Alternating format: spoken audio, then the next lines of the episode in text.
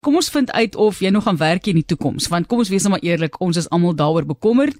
Daar was nou al 'n gespelery gewees met selfs mense wat hierdie werk doen wat ek nou hier sit en doen en wat robotte is wat uitsaai kan maar liewer sê tegnologie wat uitsaai. Sy gaan vir ons bietjie sê watter ambagte, mensgedrewe ambagte bestaan of eh, is bestand liewer teen GPT tegnologie. So kom ons kyk wat sy vir ons kan doen in terme van die toekoms. Dis Elsie Harmse. Sy is bestuurshoof van 'n vaardigheidsopleidingsgroep bekend as EXE Artisan Development. En ja, daar was nou nou 'n groot skok tot almal se stelsels Elsie met hierdie nuwe tegnologie. Mense speel daarmee. Dis ongelooflik wat dit kan doen, maar ons vra maar ook baie vrae oor die toekoms en wat vir ons as mense voorlê. Ja, Matlies, baie dankie vir die geleentheid dat ek kan bietjie met die luisteraars ook kan deel. En ek dink jy's 100% reg. Ek dink almal van ons is so bietjie bang. Ehm um, ook omdat mense nie 100% weet wat die toekoms inhou en veral vir die ouer mense wat jong kinders het wat sê, "Jo, waarheen gaan die tegnologie? Wat moet my kind doen? Hoekom moet my kind dit doen wat jy voorstel?" Omdat dit so belangrik is dat ons relevant moet bly vir dit wat ons vir die volgende 30 of 50 jaar nog kan doen in Suid-Afrika.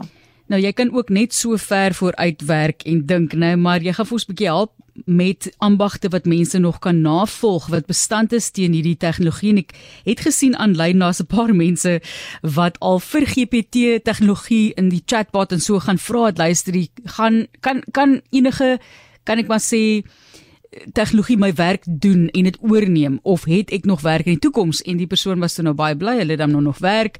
Dit was in 'n kreatiewe rigting maar ons hoor baie van mense op hierdie stadium wat bekommerd is. Mense wat byvoorbeeld selfs in in film of televisie of in musiek is waar hulle voel hulle voel bedreig deur hierdie tegnologie. Ek dink dit was Nick Cave wat onlangs baie baie ongelukkig was want van die mense het gegaan en gevra vir hierdie tegnologie om sy tipe musiek te skryf, daai tipe van ding. So mense is regtig baie bekommerd daaroor. Ja. So kom ons begin eintlik by die begin om te sê ek ek wil hê die luisteraars moet weet tegnologie het definitief 'n plek en ons is definitief dankbaar vir sekere goed wat gebeur want dit maak dit makliker. Maar kom ons vat byvoorbeeld 'n loodgieter. As jy vandag 'n lekplek in jou huis het. Op watter manier gaan tegnologie daardie daardie werk kan vervang om te kan sê ja ons het tegnologie om te kan sê o hier's die waterlek so die waterlek moet nog steeds reggemaak word.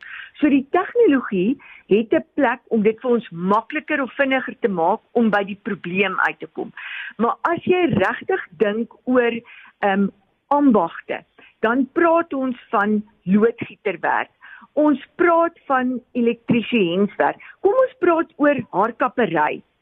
Kan jy dink dat ja, ek kan gaan sit en daar kan 'n uh, knipper is vandag 'n stukkie tegnologie. Met ander woorde, ek kan sê nommer 1 of 'n 2 of 'n 3 of 4 deur my hare sit. Maar daardie persoonlike wat wil ek hê? Hoe wil ek dit hê? Um, vir watter geleentheid wil ek dit hê? Ehm um, hoe wil ek lyk? Like, watter kleur moet dit wees? Hoe kan 'n robot dit vervang? So ek dink in die ambagswêreld moet ons tegnologie sien as die voordeel wat vir ons kan help om dit makliker te maak, om dit beter te maak, maar om die uitvoer van die ding te doen. Met die nuwe CNC 'n uh, 'n uh, uh, masjiene wat mens kry, kan jy byvoorbeeld 3D goed print, maar aan die einde van die dag het jy nog steeds 'n hand nodig, 'n mens nodig om daardie eindproduk daar te kry. So ons praat baie baie daaroor om te sê in ons opleidingssentrums, hoe bring ons die tegnologie in om dit vir die leerder reeds te wys waar kan jy die tegnologie gebruik? Waar kan ons uh, byvoorbeeld 'n tekenprogram gebruik om vir ons 'n gebou te teken in plaas van dat ons dit self teken? Maar as daai gebou geteken is, beteken dit nog steeds daar moet 'n steen op 'n seesteen gesit word. Daar moet nog steeds pype gelê word. Daar moet nog steeds vir die elektriese werk of die loodgieterswerk moet daar 'n sertifikaat uitgereik word om te sê hierdie gebou is reg en sal met ander woorde al die uh, omstandighede kan deurstaan. So ek wil net Matlies as ek ook kan sê nie in Suid-Afrika benodig ons waar ons nou is 30000 vakmanne 'n jaar wat gekwalifiseer moet word. Ons staan hoër onderwys statistieke het nou uitgekom. Ons staan op 14000 'n jaar. So dit sê alreeds vir jou dat die behoefte is daar. Ons moet net daar inkom om te kan sê, hoe kan ons tegnologie gebruik om dit vir ons makliker en vinniger te maak? Maar verseker kan ek vir jou sê, ek kan 'n 113 verskillende vakrigtings opnoem waarin die tegnologie nooit die mens kan vervang nie. Dit is wat ek nou aflei daar by jou tog is dat dis meer mense wat met hulle hande werk. Is dit meer daai vakmanskappe wat op die ou end belangrik gaan raak in die toekoms en tog is daar ook robotte wat baie van daardie rolle oor die jare vervul het en begin vervul het. As jy dink aan die motorbou in bedryf, jy weet, daar is tog mense wat wel vervang is al oor jare deur robotte en daai tipe van masjinerie, maar ek kry die gevoel jy praat meer van mense wat met lande werk. 100%. So die teg, weer eens kom ons kyk na die motorindustrie, nê?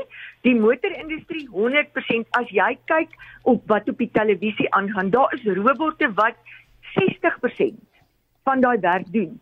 Maar daar is by elke vakrigting of jy praat van 'n uh, 'n motorindustrie of 'n um, 'n uh, uh, lugre 'n uh, uh, lugreërings of jy kan almal opnoem. Daar is op die einde is daar altyd 'n hand nodig, 'n mens nodig om die finale produk af te rond en daar neer te sit. So ek wil regtig vir die jong mense sê en ons het baie lank in Suid-Afrika het ons gedink om 'n vakman te wees is jou hande vuil of jy moet goed wees eh, kan wees met jou hande of ehm um, jy weet jy moenie 'n uh, universiteitsmateriaal wees nie. Ek wil vir elke jong mens sê as jy vandag 'n loodgieter word, is jou per uur tarief meer as wat 'n dokter kry. So dit sê vir jou die behoefte is daar. So ja, tegnologie 60%. 40% het ons 'n mens nodig om die finale produk op die tafel te sit. Ja, kyk ek is baie spyt. ek het nie een van 'n ambag wat ek met my hande kan doen nie.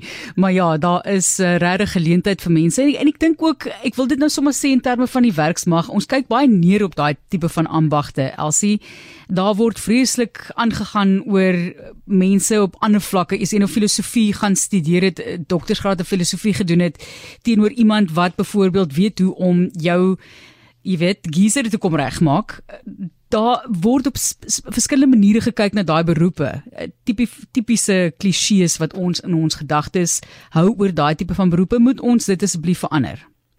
Ons moet dit groot asseblief verander want ek wil ook vir jou sê ek wil dit nie baie hard sê nie want mense wil nie dit dis nie wat ons in Suid-Afrika wil hê nie want ons wil ons werksmag behou.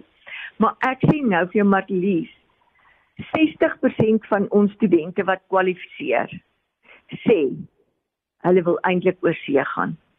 Want daai rooi seël wat hulle kry, die oorseese mark wag vir ons Suid-Afrikaners om gekwalifiseer te wees. En hoekom ons is nie eers 'n eerste wêreldsland nie, maar die eerste wêreldlande soek ons vakmanne uit Suid-Afrika uit. Nou as as jy dit in perspektief sien, jy sê, maar hulle ons het verlede jaar gaan kyk hoe werk hulle in Switserland? Want ons wou jy spesifiek kyk, hoe moet ons tegnologie inkorporeer by vakrigtings? En as jy gaan kyk wat doen hulle in Switserland, dan sê hulle vir jou, hulle het skole wat hulle spesialiseer in vakmanopleiding, maar net te min. Hulle moet 20% van hulle mense voer hulle in want hulle het nie genoeg nie. So die die die die ouers en die jong mense daar buite asseblief hulle moet hulle hele siening oor vak man en vakvroue verander. Daar's 'n behoefte daarin en jy kan vandag kan jy eintlik die, die sukses daarvan Matlies is jy kan of vir jouself werk of jy kan vir iemand gaan werk of jy kan oorsee gaan. So hoeveel werks geleenthede kry jy wat eintlik vir jou sê maar jy het eintlik hierdie kaartjie om net te gaan waar jy wil. Die ander voordeel nê van om 'n vak ehm, 'n um, man te kan wees is in jou opleiding van 3 jaar doen jy reeds prakties en jy doen prakties by verskillende werkgewers. So jy kry soveel ervaring om regtig te kan sien in watter gebied wil jy spesialiseer en ook om eintlik te sien waar kan jy dit beter doen indien jy jou eie besigheid wou begin. So die geleentheid is daar om eintlik jou eie CV te bou terwyl jy studeer.